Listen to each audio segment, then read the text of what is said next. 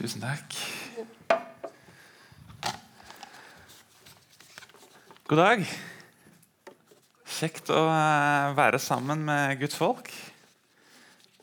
Mitt navn er Marius Arntzen. Jeg jobber eh, til daglig som ungdomsleder i Salem i Stavanger. Og så fikk jeg gleden av å få lov til å være her sammen med dere denne søndagen. Det er jo skikkelig stas. Takk for invitasjonen. Ehm, jeg er egentlig fra Lillehammer, som dere kanskje hører på dialekten. Eller kanskje ikke hører, alt ettersom. Eh, og så er jeg 28 år, eller det vil si jeg blir 28 år klokka ni i morgen. Så sånn, ja, ca. 28 år. Eh, og så, og så brenner jeg for dette med disippelgjøring og levende trosliv i hverdagen. Jeg har lyst til å se en generasjon av unge mennesker som virkelig tar Jesus med i alle områder av livet. Og at å, Guds nåde får lov til å gjennomsyre alle områder av livet. Det, det, har jeg tro for, og det har jeg lyst til å jobbe mot. Nå har dere hatt en, en serie på dette som har med, med Guds fulle rustning, Efeserne 6. Dere har lært om, om, sannhetens belte, om rettferdighetens brynje. Eh, dere har lært om, om, fredens evangelium som sko på føttene. Troens skjold, frelsens hjelm eh, og åndens sverd.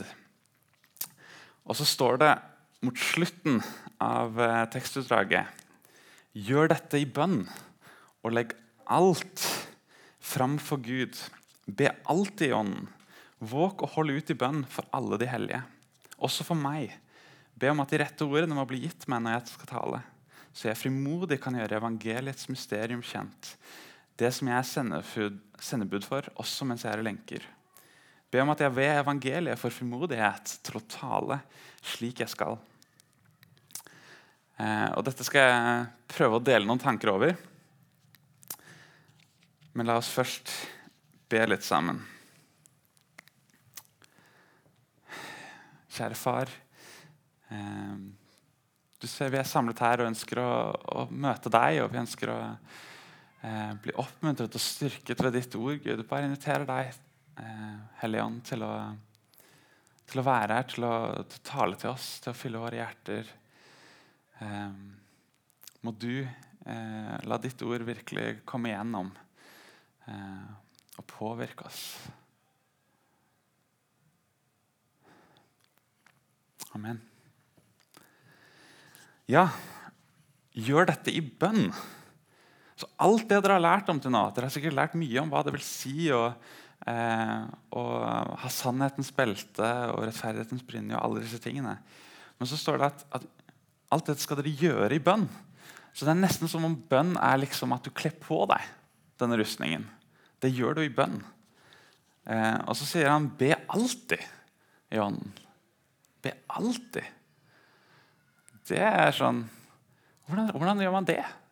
Det har jeg fundert mye på. Be alltid. Det kan jo ikke se ut som at du liksom er på dine knær med foldede hender. alltid. Jeg tror ikke Paulus var, var, på sine knær alltid sånn. Så det er et eller annet han snakker om her. Be alltid i ånden. Det skal vi gå litt mer inn på. Hvordan ser dette ut?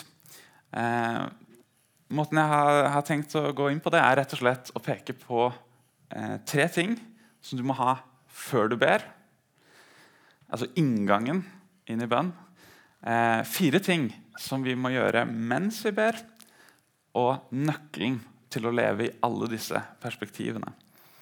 Eh, og jeg tenker at, at uh, Du kan ikke snakke om bønn uten å gå litt til uh, Matteus 6 og uh, Vår Far eller Fader vår, alt etter hvilken oversettelse du foretrekker. og Så skal jeg prøve å koble det litt sånn på. da. Men, men jeg vil lese et utdrag fra Matteus 6, fra vers 5. Der står det Når dere ber, skal dere ikke gjøre som hyklerne de liker å stå i synagogen og på gatehjørnene og be for å vise seg for folk. Sannelig, jeg sier dere, de har alt fått sin lønn. Men når dere ber, skal du gå inn i rommet ditt og lukke døren og be til din far som er i det skjulte. Og din far som ser i det skjulte, han skal lønne deg. Når dere ber, skal dere ikke ramse opp ord slik hedningene gjør. De tror at de blir bønnhørt ved å bruke mange ord. Vær ikke lik dem, for dere har en far som vet hva dere trenger før dere ber ham om det. Slik skal dere da be. Vår Far i himmelen, la navnet ditt helliges. La riket ditt komme. La viljen din skje, på jorden slik som i himmelen. Gi oss i dag vårt daglige brød. Og tilgi oss vår skyld, slik også vi tilgir våre skyldnere. Og la oss ikke komme i fristelse, men frels oss fra det onde. For riket er ditt, og makten og æren i evighet. Amen. For dersom dere tilgir menneskene de misgjerningene de har gjort, skal også deres himmelske Far tilgi dere. Men dersom dere ikke tilgir menneskene, skal heller ikke deres far tilgi de misgjerningene dere har gjort. Hva må du ha før du ber? Jo, Det første er dette som han sier at Vær ikke som hyklerne når dere ber. De som liker å bli sett på, og som ber for å få makt eller status eller aksept i samfunnet. De søker ikke giveren, men de søker gaven. De har lyst til å få anerkjennelse. De har lyst til å få det de kan få ved å, ved å be, heller enn å søke han som de ber til. Eh, så det der spørsmålet hva gjør, Ber vi for å bli sett, eller ber vi fordi vi lengter etter å kjenne Gud? Og det er én test som eh, Jesus eh, setter frem her. er, Ber du i det skjulte? Ber du når det er ingen, ikke engang din egen familie, som ser, med lukket dør i bønnekammeret ditt? Og hvis, hvis, du ber der, så er det jo kun fordi du ønsker å søke Gud og ha en relasjon med Han. Det er testen på om du virkelig søker Gud for å kjenne Han, eller om du søker Gud for det, det Han vil gi deg. Og Det er utrolig viktig. Det avslører hjertet vårt. Hvor er hjertet vårt? Er vi, er vi der at vi bruker Gud som et verktøy eh, for at vi skal få et godt liv? Eller er vi der at vi søker Gud fordi han er Gud, og jeg vil kjenne han, jeg har lyst til å kjenne hjertet hans? Så Det er den ene. Og så er det dette som Jesus sier med å ramse opp ord. Eh, han bruker dette ordet med, med at eh, hedningene de, de, ramser opp masse ord, for de tror at de blir bønnhørt ved å bruke mange ord. Og så sier han, Vær ikke lik de. Fordi det er ikke slik vi skal be til Gud. Eh, for noen så kan bønn bli en sånn formel. Bare jeg bruker de rette ordene, bare jeg er hellig nok, bare jeg er lidenskapelig nok i bønn, så må Gud svare meg. Og så er det nesten som et sånn brekkjern vi bruker for å liksom få Gud til å svare våre bønner og, og handle på det som er, egentlig er våre ønsker. Eh, noen sånne, sånne, formler som er vanlige i våre sammenhenger, er adressere Gud som 'Kjære Jesus' og Jesu navn. Amen'. Det er sånne formler du hører hele veien, men, men vet vi hva det betyr? Er det faktisk noe vi, vi, mener med hjertet, eller er det bare ord vi har lært oss til å bruke, og som vi egentlig ikke tenker over? Når eh, Jesus sier at vi skal be, så sier han 'be til far'. Be vår far. Så eneste måten vi kan komme til Gud på, eh, er at vi skal komme til Gud som far. Og det er en ganske annerledes måte enn å komme til Gud som en sjef. Og Dessverre er det mange, mange kristne som har et slikt forhold til Gud, at Gud er som sjefen. Og du kan gjerne ha godt forhold til sjefen din. Eh, dere kan gjerne være liksom venner og sånt med sjefen på jobben. Men til syvende og sist så er relasjonen din til sjefen basert på prestasjon. Hvis du gjør noe skikkelig dumt på jobb, eller over tid ikke presterer, så får du sparken. Om så sjefen liker det eller ikke. Så til syvende og sist så er en sånn relasjon basert på prestasjon. Men vil en god far sparke deg dersom du gjør noe dumt? Nei, det er klart han ikke vil det. Eh, og for eksempel, da, Hvis jeg skulle eh, hjem til min pappa, som bor på Lillehammer, eh, så ville ikke jeg kommet hjem til han og liksom ringt på og stått der med liksom, lua i hånda og bare 'Kan jeg være så snill å få komme inn og spise litt?' Sant? Da hadde pappa blitt skikkelig lei seg, spesielt på farsdagen. Men det er klart at når jeg kommer hjem til pappa, så jeg ringer ikke på. Jeg trår rett inn. jeg. Og jeg går rett til kjøleskapsdøra og åpner opp og tar det jeg vil ha. Fordi jeg vet jeg er velkommen. Sant? Og Slik skal vi komme til Gud. Vi skal komme med en forventning til vår far. At han ønsker å svare oss. Og han ønsker å, å høre fra oss. Eh, og så er det kanskje noen av oss som har et, hatt et dårlig forhold til eh, vår far, eh, vår biologiske far. Eh, og som opplever at det påvirker vårt eh, Eller på en måte det farger vårt forhold til Gud. Eh, og det er utrolig trist hvis vi på en måte tillater erfaringene våre med mennesker til å skulle farge vår erfaring til den siden av Gud, altså det at Gud er far. Fordi vi, vi må ikke måle Gud med menneskelige standarder. Kan vi ikke heller få lov til å la Gud få være den som, som setter standarden for hva en god far er? Eh, altså, kanskje, jeg vet ikke helt hva, hvordan det ser ut og sånt nå fordi min far ikke var god. Jo, men det er klart du vet det.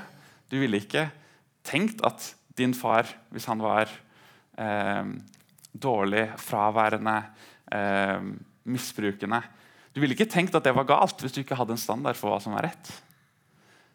Så, så, vi vet intuitivt hva en god far er.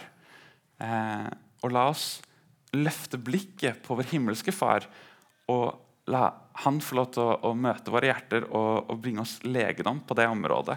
Hvis det er noe som, eh, som du syns er vanskelig. Så det ene er dette med Kommer vi for å bli sett? Eh, og kommer vi eh, til Gud som far eller som sjef? Er det er relasjonen vår basert på nåde, eller er den basert på prestasjon? Og så Den tredje tingen som vi må ha på plass før vi kommer til Gud, er dette med tilgivelse. Eh, å ikke tilgi, det er å føle seg over den andre. Hvis du fortsetter å holde noe imot et annet menneske, så er det egentlig at du sier i ditt hjerte 'Jeg ville aldri gjort sånn'. Men ser du, ser du da at det er det, det er uforenlig med å være en synder som er frelst av nåde. Du kan ikke holde, holde noe imot de neste og samtidig si at ja, jeg, er, jeg, er, tilgitt og jeg er en, en uh, synder frelst av nåde. Det blokkerer relasjonen til Gud. Eh, fordi da, da, opererer du ikke lenger ut ifra denne nådesrelasjonen eh, og tillitsrelasjonen, men ut ifra en prestasjonsmodus. Eh, og det avsløres i at du holder noe imot det neste. Så det, det som eh, Jesus sier eh, mot slutten av det utdraget, det, det, treffer oss noen ganger som en anklage. Sånn, dersom dere ikke tilgir, så skal ikke Gud tilgi dere. Men egentlig så er det bare realiteten av tingene. At vi er nødt til å leve tilgitt overfor andre eh, for at også Gud kan gi oss nåde. Så det er de tre tingene som vi må ha før vi kommer til Gud i bønn. Eh, at vi kommer til han for å kjenne han, ikke bare for å bli sett av andre. At vi kommer eh, i en nådesrelasjon, ikke prestasjon. Eh, og at vi tilgir andre. Så fire ting som du må gjøre mens du ber. Eh, og Fader vår er jo litt sånn som en sånn formel. sant? Eh, det er en, en prototype bønn som ikke altså, Man har alltid forstått at det er ikke sånn at be akkurat disse ordene. Men Jesus sier dette er måten du skal be. Og så nevner han ting som er utrolig viktige i bønn. Da. Eh, og da har jeg prøvd å, å sette ned til fire ting. Beundre, akseptere, spørre og adlyde. Beundre. Har du lagt merke til det at 40% av bønnen handler ikke om deg, og det handler ikke om dine behov, men det handler om Gud. Hvem han er, det handler om, eh, om hvem han er for deg. Og det siste vi trenger når vi skal, skal be, er jo å bli overveldet av liksom våre behov. Hvis vi plutselig liksom kommer til Gud og så skal vi bare liksom grave oss ned i det, og alt er fælt, og liksom alle våre behov. Eh, men det vi trenger faktisk er jo å løfte blikket. Vi trenger å løfte blikket på Han som har all makt. Han som er hellig, han som er majestetisk, han som sitter på tronen og er konge i all evighet. Han som også er personlig og nær. Han som er en far og ønsker å ha en intim relasjon med deg og meg. Og fyll deg med visshet om hvem han er. Det er derfor bønnen starter vår far, men så er det i himmelen. La navnet ditt helliges. Dette er lovprisning, dette er beundring. Dette er å løfte blikket. Så beundre, og så akseptere. Eh, du må ikke spørre om ting, det du, det du kommer for å be for, før så du har overgitt deg til hans vilje. Det er derfor eh, han ber eh, oss om å be La ditt rike komme, og la din vilje skje. Fordi Gud vet bedre. Og Det er litt sånn som med, med fireåringen. Jeg har sett sånne Fireåringer som bare 'Jeg vil ha det, jeg vil ta på det.' Og så, og så må pappa si nei. Nei, nei, nei. nei. Og, og fireåringen bare du, du, hindrer meg i det som jeg har lyst til å utforske, og det jeg har lyst på å spise. Enten om det er jord eller hva det er. Og så, og så vet far bedre at det kommer til å skade deg. Det kommer til å være farlig. Jeg ønsker å beskytte deg. Det er i kjærlighet. Eh, men faktisk når vi, når vi tror vi vet bedre enn Gud, så er vi som åndelige fireåringer. Vi tror vi vet bedre enn Gud. Og så, og så går vi rett inn i, i den fella. Eh, og Slik er det også med, med bitterhet. Vi tror at Gud tar feil, og så blir vi bitre i hjertet. Fordi det vi forventa, det vi ønsket, det skjedde ikke. Og så holder vi på bitterhet i hjertet. Og Da lever vi ikke i denne nådesrelasjonen med Gud, hvor han får lov til å være Gud, og jeg får lov til å være sønn som bare er med på det han gjør. Så innse din begrensning. Jeg syns det er så fint med, med, det bildet som blir gitt i Jobbs bok.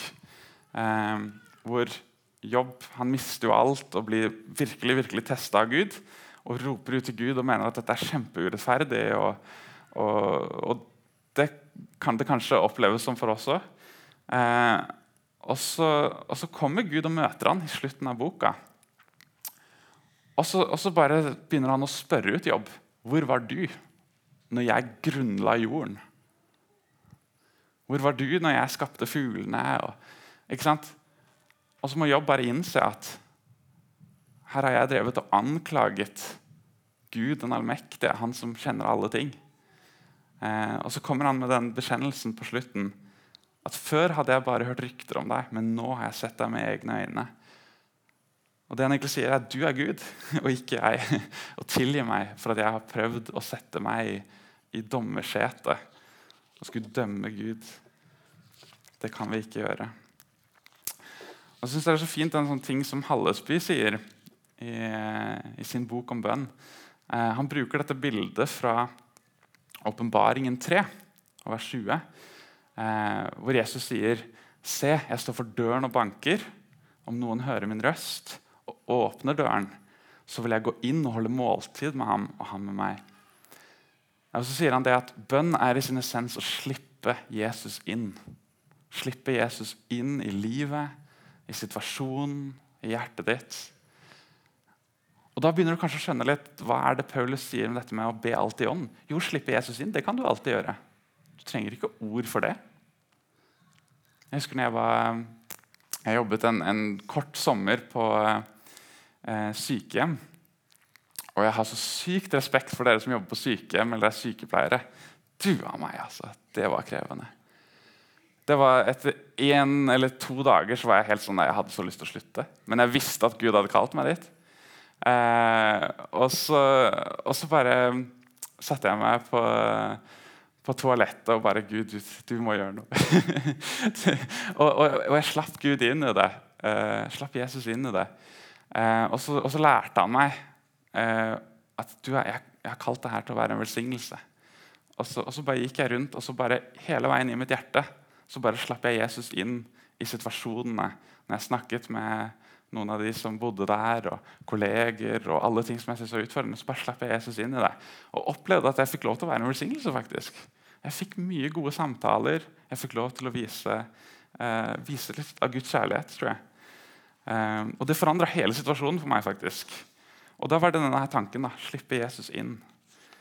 Eh, men det som er litt interessant, da, er at dette sann bønn Det er noen som ber disse her som ber lidenskapelig og liksom i lange tider. Eh, som kan fort tenke at de er sånne bønnekjemper. Sant? Bønn skal liksom gi dem makt. Men egentlig så er det sånn at sann bønn, da gir du slipp på makt. Du gir slipp på makt, og du gir makten til han som, som er Gud. Og slipper han inn i situasjonen istedenfor å selv ha makten. Så la Gud være Gud i livet ditt.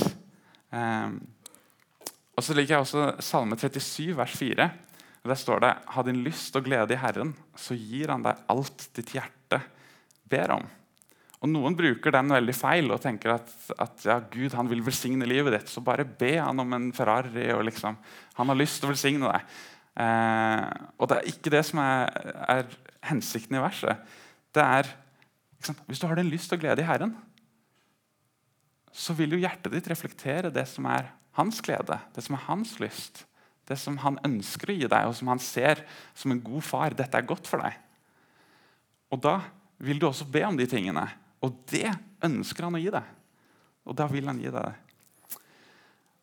Men hva er det som skjer da hvis du har denne holdningen i forhold til Gud og denne holdningen i forhold til bønn? Jo, du blir forandret. Når du først beundrer Gud og får, får se hvor stor han er, og du slipper han inn, du, du, du overgir deg, så blir du mindre fryktfull, du blir mindre stressa, for du gir slipp på dine byrder, og du velger å heller ha tillit til Gud. Så er det eh, Den tredje tingen det er å spørre. Så kommer vi til det som veldig mange bare går rett på dette. Men, men eh, Jesus ber sant, din vilje skje. Be for hva som er Guds vilje. Rettferdighet, fred, eh, frelse for alle mennesker. Eh, sånn som Paulus sier, sant, Be om, om, at folk skal bli frelst. Be om at, at han må gi meg frimodighet, rette ordene jeg vil faktisk veldig gjerne anbefale deg å, å se over bønnene som Paulus ber. For eksempel. Utrolig mange av de er veldig rettet inn mot, mot, Guds rike. Det er ikke sånn 'beskytt meg og mine'. Og, og på en måte sånn. Det er veldig sånn 'gi meg frimodighet', gi meg visdom. Eh, veldig rettet ut mot å nå ut til folk. Så din ville skje. Sant? Og så er det daglig brød. Be om at, at behovene dine er dekket. Gud sier søk først Guds rike og hans rettferdighet, så skal du få det du trenger. Alt det andre det, det skal du få i tillegg. Men det han ikke lover oss, er at vi skal på en måte ha den dekningen for all fremtid. Fordi dette med daglig brød det, det peker mot, tilbake mot manna i ørkenen. Jeg vet ikke om dere husker når eh, israelittene gikk i ørkenen, så fikk de brød fra himmelen. Og Så samlet de dette opp og, og, spiste det. Og så var det noen som samlet opp til en hel uke. For de tenkte jeg vil ikke, jeg vil ikke risikere at jeg ikke har brød i morgen. For Jeg stoler ikke egentlig helt på at Gud vil forsørge meg i morgen. Men dagen etterpå så råtnet det, og det var markedet, og det var bare ekkelt. Og det Gud vil lære dem, er jeg vil gi dere for hver dag. Jeg vil at dere skal stole på meg hver eneste dag og ikke drive og horde og liksom samle opp. Eh, og For meg så utfordrer det meg veldig. Sant? Sørger jeg for at jeg alltid har liksom noen tusen på kontoen, sånn at jeg har liksom mer enn nok?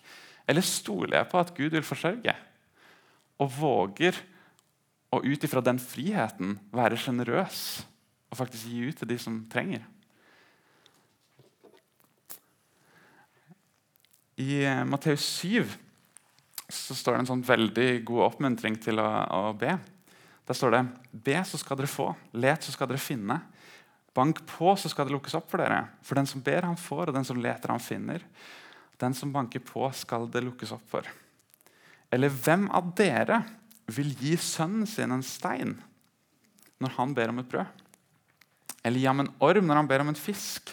Når selv dere som er onde, vet å gi barna deres gode gaver, hvor mye mer skal ikke da deres far i himmelen gi gode gaver til dem som ber ham? Han er en god far. Han ønsker å gi deg gode gaver. Så be. Så det var å spørre, og så adlyde. Eh, Istedenfor å, å be veldig egoistisk 'gi meg det, gi meg det', så handler det om at, vi, at vi skal be Gud om å forme oss. Gjør meg til noe. Gi meg eh, tilgivelse. La meg være en person som både tilgir og lever tilgitt. Og lever i den friheten som kommer av det. Og den ydmykheten som kommer av det. For det er klart, Hvis du, hvis du lever tilgitt, så, så kan du jo ikke hate deg selv fordi du er tilgitt. Det er ikke noen grunn til å hate deg. Men du kan heller ikke være stolt. Du kan verken være liksom helt lav, men er heller ikke liksom høy på pæra. Du er klar over syndene, men du lever i gleden av å være tilgitt. Eh, og Det gir en ydmykhet og samtidig en kraft. En kraft som du ikke har i deg sjøl, men som du har i Gud. Eh, og Da kan du få lov til å leve full av glede og i overgivelse. Eh, og Her har du jo bl.a. dette med fredens evangelium som sko på føttene. At vi kan få lov til å gå ut med et gledens budskap. Og Det er også den sannheten som vi skal kle oss i, og som gir oss Det holder oss sammen. Og så, Hva er nøkkelen da til alt dette? Jo, det er jo selvfølgelig å se på Jesus. For Det finnes to typer bønn. Det jeg har prøvd å male ut her. Det er den bønnen for å gripe makt, og så er det den som gir slipp på makt. Og gir til kjenne at Gud er Gud, og du kan få lov til å bli et nytt menneske som stoler på han, og som lener deg til han. Og Nøkkelen er å se at vet du hva? Jesus han sier ikke bare dette. Han, han underviser ikke bare i, i uh, vår far, men han praktiserer det fordi alle religioner de sier at ja, be til Gud fordi han er Gud, og, og han kan gi deg det du trenger. og sånn. Men vi tilhører en eh, Gud som valgte å bli til et menneske. Og Hvis du tenker tilbake på Getsemanehagen, hvor han sier La denne koppen komme meg forbi. Han ville ikke dø, og han var intenst, intenst i smerte, svettet blod. Altså, han erfarte den dypeste nød. En dypere nød enn noen av oss har erfart. Og han ville ikke, men han sa, 'Ikke min vilje, men din vilje, Gud, skje'. Og Derfor kan vi stole på han, for han er blitt testet i absolutt alt. Og han vet hvordan du og jeg har det. Og han trengte å be i det øyeblikket. Og han ba også de tingene som, som vi ser i Herrens bønn. Må din vilje skje, ikke min vilje. Eh, så hvordan kan du overgi deg? Jo, fordi Jesus han overga seg for deg. Hvordan kan du gi slipp på makt? For han ble maktesløs på korset. Han ble maktesløs på korset for å frelse deg. Så sannheten til å kle oss i Guds fulle rustning eh, og gjøre det i bønn, er ikke først og fremst å liksom bolstre deg opp og tenke at nå skal jeg liksom heve meg sjøl her. Eh, med alle mulige teknikker og metoder. Men det er å kle seg i Gud. Og så lar du Gud få lov til å være Gud i hvert eneste område i livet. Eh, og så gjør du det ved å beundre, ved å løfte blikket på Gud. Ved å akseptere at det er han som er Gud, og ikke meg. Eh, og overgi deg til han. Og så, og så frimodig spørre han som en far, eh, eller som en sønn som spør sin far, og så adlyde. Og la han forme deg.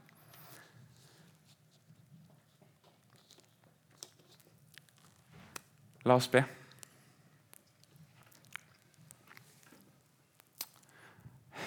Vår Far, du som eh, regjerer og har all makt.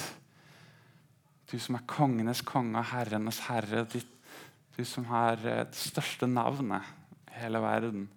Eh, må du bli æret iblant oss. Eh, må du bli æret i Sandnes, må du bli æret i Rogaland, i Norge og i hele verden. Gud, vi ber om at ditt rike må komme. Vi ber om at rettferdighet skal seire. Vi ber om eh, fred eh, i vår tid. Far, vi ber eh, fred også i Europa. i disse urolige tider. Din vilje skje der. Og så takker vi deg og, og ber deg her om å, å, gi alt det vi trenger. Du, du vet bedre enn oss hva vi trenger. Eh, og Gud, det, for noen av oss så trenger vi å gi slipp på ting. Og jeg ber om at du må hjelpe oss til å, å gi slipp på tilliten til oss sjøl, tilliten til vår rikdom, hva enn det er, Herre, som holder oss fra å leve i frihet eh, og i ditt nærvær. Far, eh, tilgi oss alt det gale vi har gjort, sagt, tenkt. Og takk, Herre, for at du lærer oss også å tilgi andre. Å leve i nåde, både i forhold til deg og i forhold til vår neste. Og far, frels oss fra det onde. Gud, vi vet hvor mye, eh, hvor mye fristelser og eh, lyster og, og, dragninger som vi kjenner på i våre hjerter. Gud, jeg bare ber om eh, at du frelser oss fra alt det. Takk, Herre, for at i deg så har vi styrke.